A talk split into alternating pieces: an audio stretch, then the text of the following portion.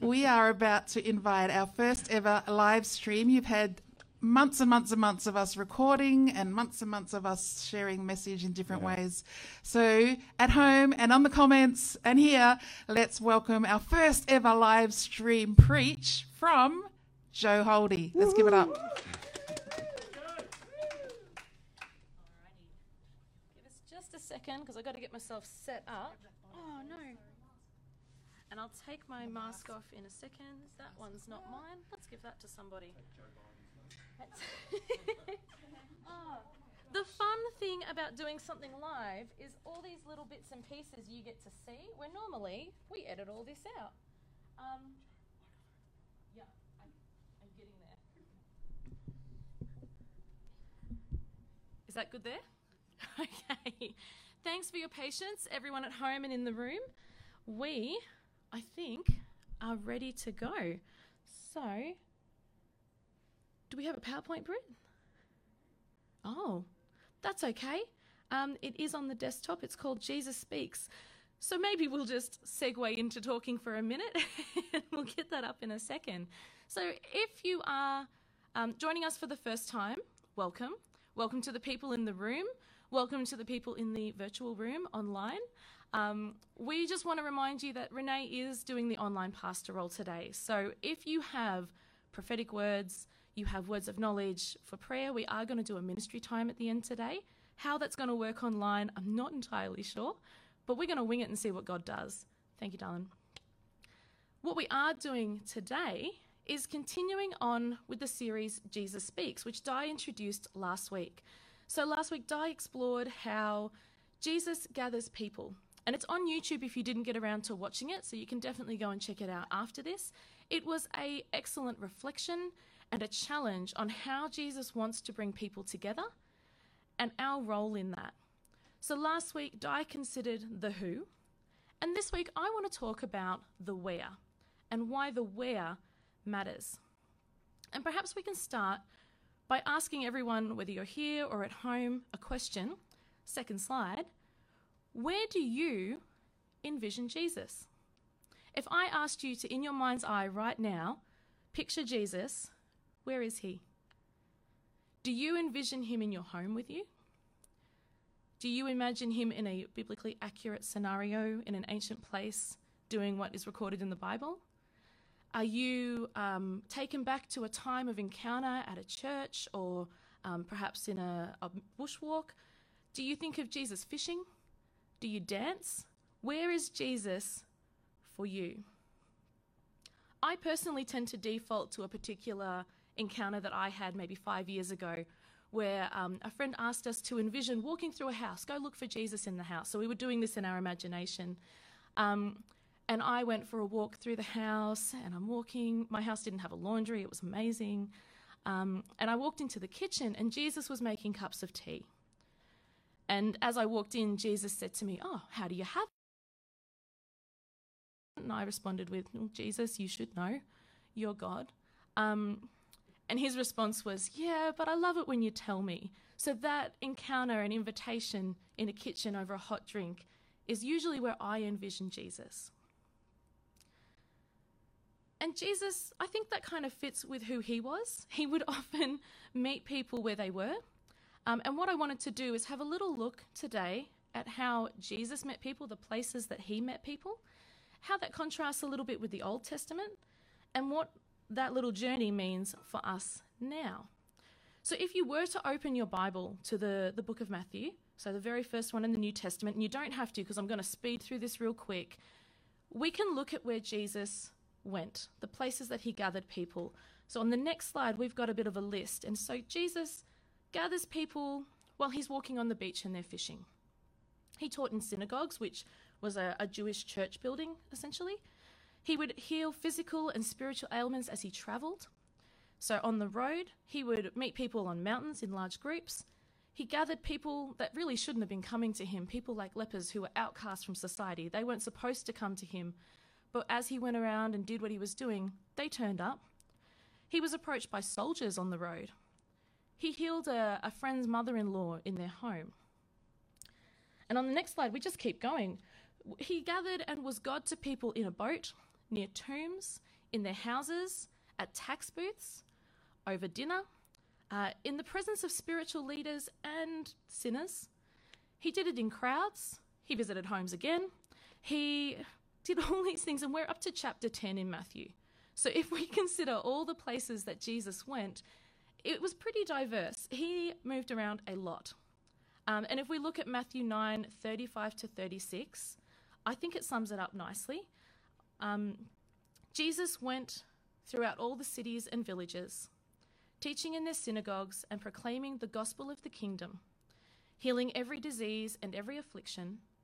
And when he saw crowds, he had compassion for them because they were harassed and helpless like a sheep without a shepherd.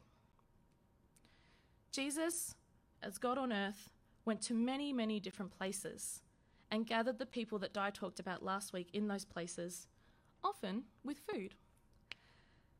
But it kind of contrasts to the image that some of us might have following the Old Testament, where God definitely turned up in different places, but it wasn't as apparent unless you're picking right through.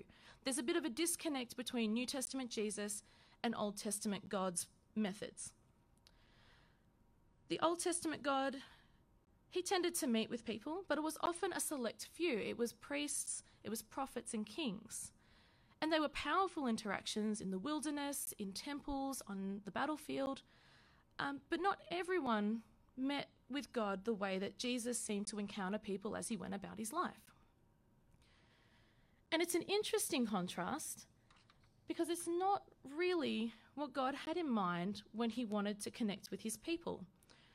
So, if we do a very brief overview of the Old Testament interactions, um, we can look at different things and go, wow, crazy power.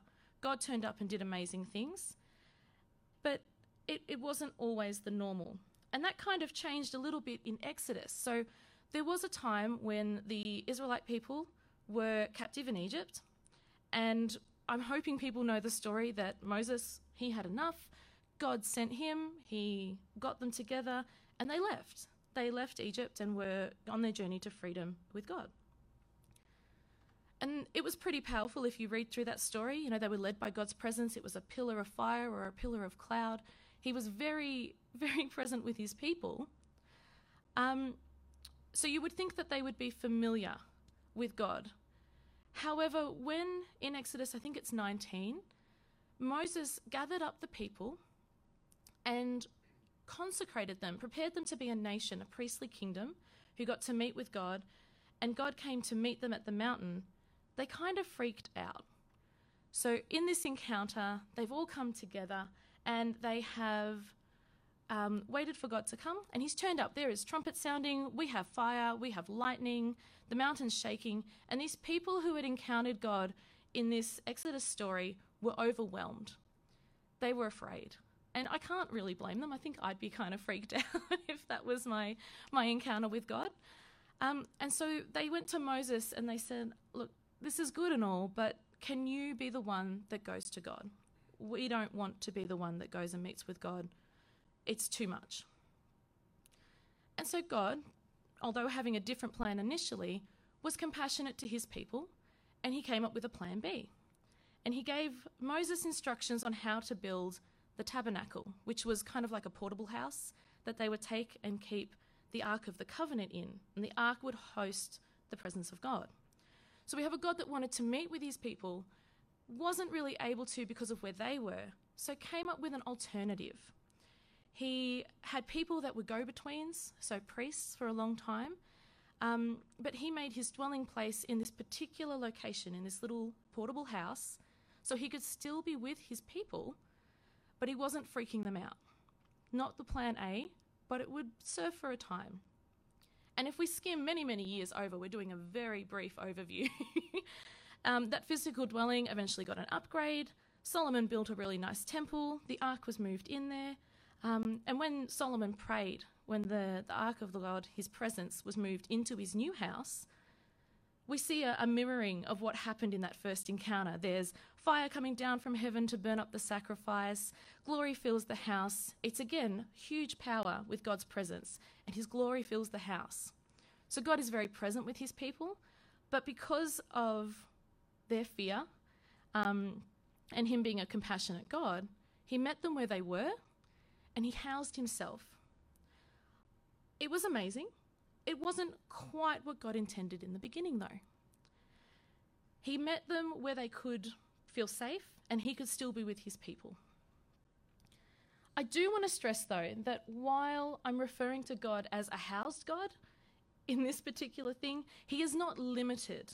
If we walk through the Old Testament, he was meeting people in all kinds of places. He did not only exist within this house, he would move throughout um, his community. He would meet with people, those people, priests, prophets, kings, usually, and communicate what he wanted to have done, how he wanted them to to live.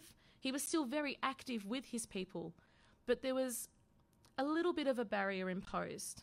He wasn't a limited God, but this is how he chose to dwell for a period of time. And that's quite a difference to how we see Jesus turn up, where he's walking around, he's in amongst all kinds of people, whether they're good, bad, or ugly. He is happily moving through and ministering to them. And I want to highlight the difference because I think sometimes there's that disconnect. We go, oh, Old Testament God, yeah, he was angry and he didn't really like people, so he lived in his house and he got people to go do his work. And Jesus is the good one who comes and business with people. And it's not a different story. I do want to stress that we don't have Father God doing one thing and Jesus doing another. Father God's intent at the beginning was to have that relationship but it got derailed. And this isn't the sum of all the things that got derailed that Jesus rectified, but one of them was changing from a God that was housed to a God that we could understand and would visit your house, a God that was more accessible. So Jesus wasn't cancelling out the story before, but rather redirecting it and developing it. They were the same mind, they did have the same intents, and if we go to the next slide, in John, Jesus shared a little bit about how in like in queue with each other they were. It says that anyone who has seen Jesus has seen the Father. That's how in, in touch with each other they were. He was the invisible God made visible. So while their actions might look different, their intents, their purposes, their love for their people, totally in line with each other. And in John, it also shares that you know Jesus was doing nothing for his own benefit. He wasn't trying to please himself. He was all about partnering and doing what God had intended, Father God had wanted in the beginning. And he does nothing separate to what he was taught by the Father. So Jesus came to be Emmanuel, God with us, and meet people with power and compassion, just the way Father God did when the people freaked out and they didn't want to meet with him face to face on that mountain. His mission, not just in this particular instance, but in a whole different, varied ways, was getting us back on track in God's story. It was a redirecting and bringing us back to where God intended originally. Pretty happy that Jesus achieved that. We see him being the personable God that, that Father God had intended in the beginning. He is bringing people in, he's connecting them. There's that compassion and power, he's healing.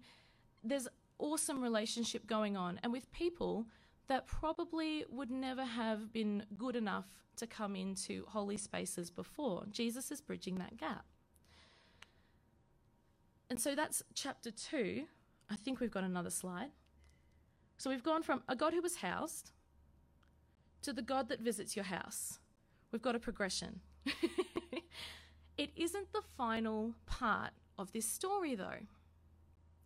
The final part, the next development in the story, in getting us back on track, uh, we're going to look at a verse where Jesus speaks in John 14. So if we could pop John 14 up, we've got, uh, oh, context. So Timothy was asking some questions. I think it was Timothy. I'm having a little moment where I can't remember. If anyone knows if it was, no, it was Thomas. Sorry, guys. I have read my Bible, I promise. I just couldn't. Thomas is hearing Jesus speak and he is confused. He has no idea what's going on. So he's asking Jesus, uh, How are we getting to God's house again? I, if you're not here, what are the directions? I'm not getting it. And Jesus is being patient and he's saying to him, Well, I'm the way, the truth, and the life. No one goes to the Father except through me. And if you've known me, you will also know my Father. From now on, you know him through me and have seen him in me, which is what we were talking about before. There's this reflection of who Father God is in Jesus. But then he continues, he doesn't stop there. And in the next part of John 14, Jesus says, If you love me, you will obey my commands. Interestingly, when Moses was speaking to people in Exodus 19, God says, If you love me, you'll do what I say. It's a mirroring again of that story. We're coming back into the same narrative. I will ask the Father, and he will give you another helper who will be with you forever. He's talking about Holy Spirit here. I'm just trying to read it. Sorry, guys, it's a little bit of an awkward angle. The joys of live streaming for the first time. We'll know that the speaker probably needs to be moved slightly next time. The world can't accept him because it doesn't see or know him, but you know him because he lives with you and will be in you. I leave you peace. I'm giving you my peace. I don't give you the kind of peace that the world gives, so don't be troubled or cowardly, which is an interesting thing to say to Thomas, who gets a bad rap for being a doubting man later.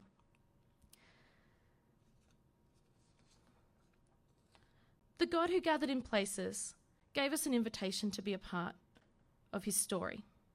There's a call to boldness here through his peace, and it's the final transition into what God originally intended when he called his people to gather with him. We've gone from a God who was housed so that he was compassionate to his people and could be present and dwelling among them, to a God who would visit your house and come and move compassionately and with power among his people in a new way, closer to what intended. And then we come to the conclusion where God is making his home in you. And this opens up some new exciting opportunities. Because the Jesus that we had, who was moving through these different places, has sent Holy Spirit, who is equally God with Jesus, and to be inside us and move with us. God's taken all he has to offer the peace, love, and healing, the priesthood that he spoke about initially, and he's made it possible by moving from being completely separate to totally inside the people who believe in him and follow him, and making us the dwelling place for Holy Spirit. And as the new houses of God, we get to carry him at all times. Just like Jesus did, we get to take God into new places and spaces where the house God couldn't go and take the compassion and the ministry that Jesus had into those parts of our lives, making God portable again and present among his people the way he originally intended. To step away from scripture for a minute, I'd love to reflect on this year where we might have seen that happen. So, for me personally, I have a few stories where at the beginning of this year, lockdown happened and my there was a bunch of restrictions. Do you guys remember when we couldn't buy more than two bags of frozen peas? Um, it seems like a lifetime ago now. And for me, that wasn't a problem. I don't really need many frozen peas. But my brother's got like 18 children, it feels like. He's got four kids. So two bags of frozen peas per shop wasn't going to cut it. Um, and I went to pick up some different things. I took her, um, my sister in law's card, I took my card, and I thought they'd let us do a different transaction and I could get the frozen veg that they couldn't get that week. This family was running with no toilet paper either, like it was just a disaster. Um, and I couldn't get them. They wouldn't let me. And I understand the reasoning. They were trying to protect people who were vulnerable. The way they were doing it didn't suit our family. And I maybe stood in the middle of Coles and had a cry because my nieces and nephews aren't going to have peas this week. It was completely disproportionate to what was happening, but I was feeling very vulnerable at that time. In that moment, some people who I'd never met before walked, they were just doing their shopping. They weren't out looking for opportunities to be generous, I don't think. But they paid for two bags of veg so that it was separate transactions and I could take home four bags of veg and they didn't have to go shopping with four kids in tow again in order to feed their kids that week. It's an incredibly simple story, but it talks about compassion and how something so easy but generous, reflecting the nature of God, changed my day and my brother and his family's week simply by being on their journey and seeing an opportunity there. We've been having online classes, which, again, new thing for 2020. Um, Sockham was running online. We were occupying a new space. We got to bring Jesus because Holy Spirit's in us. We get to move into this new space, bringing God with us, and we got to see healings and things take place over a video call, which, weird, if you made me make a list in 2019, that probably wouldn't have been on my list of places that God dwelled. But because we were carrying Holy Spirit, we got to move into those places and bring Him with us. Other people are having similar interactions with their neighbours. I'm talking to my neighbours for the first time, and we, my family has lived in this house for 28 years. So we've had interactions before. They were not talking, it was not pleasant. But something has changed in this particular year. Opportunities have been created, and we've been able to walk with Holy Spirit inside us and meet people that we would never have met before. Introduce them not necessarily with our words of being like, hey, have you met my Lord and Savior Jesus Christ? That's not necessarily what we're doing, but we're moving with compassion and power in our everyday circumstances. And so, if you take a moment to think about the places that in this year you specifically have been able to move that no one else has been able to move, you've been able to walk with Holy Spirit and bring God into a new place that He may not have had access to before. And we're living out what He originally intended when He wanted to meet with people right back at the beginning and continue this story so that we're taking the house of God into new situations. And because of that, I'm really hesitant to finish on a final point. I don't want to be wrapping this all together because we're in the middle of a story. It's probably easy to go, yep, that's the end of the Bible. We've got this all wrapped up. Holy Spirit's in. Revelation doesn't make sense, so we'll skip it. We're good. Not ideal, don't do that. But it's an ongoing story. God didn't finish the Bible and then leave the earth. He's not expecting us to fend for himself, uh, for ourselves rather. He's given us an option to be partnered with Him in a more intimate way than anyone else in history. So I would like to ask a question, and I think it's the next slide. If you were to ask God today, what would He say? If you asked Him, where would you like me to take you? The places that we listed in those first 10 little chapters of Matthew, there was a lot of places that Jesus went. I want to suggest that maybe he's not done visiting places. Um, and Jesus definitely met people in church like buildings. We don't really have access to those right now. And I would love for us to remember that Jesus, it's not a house God anymore. He's not in that building, He's in you. Where would you take Jesus if He asked you today? What are the places that you have unique access to that God may not be able to come into in any other way but you can create opportunity for him to be in those spaces. I do know that we've been inviting people to communicate online, and I can see people in here, but I can't see anyone on the live stream right now. Is there anything I need to respond to before we move on? No? Okay. So, what we're going to do is we're going to with an exercise, because I like to be active. And what I'd love for you to do is actually take a moment to ask God this question, whether you're in this room or you're at home. And if you're not familiar with talking with God and waiting for an answer, that's okay.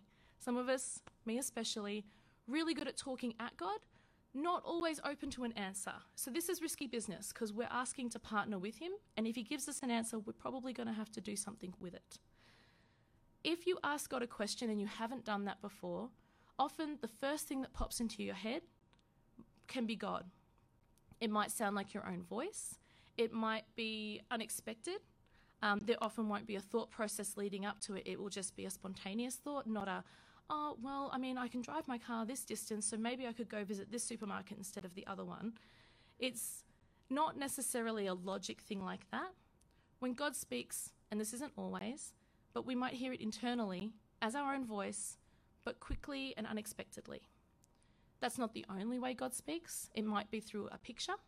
It might be through a an audible voice from outside. That happens sometimes. It might be a sensation or a feeling. There are many ways that God speaks, so I don't want to limit him. But if this is your first time asking God a question and, and hoping for an answer, those are some of the ways that he might respond to you today. And we want to ask, and I'm going to give space for this God, where would you like me personally to take you?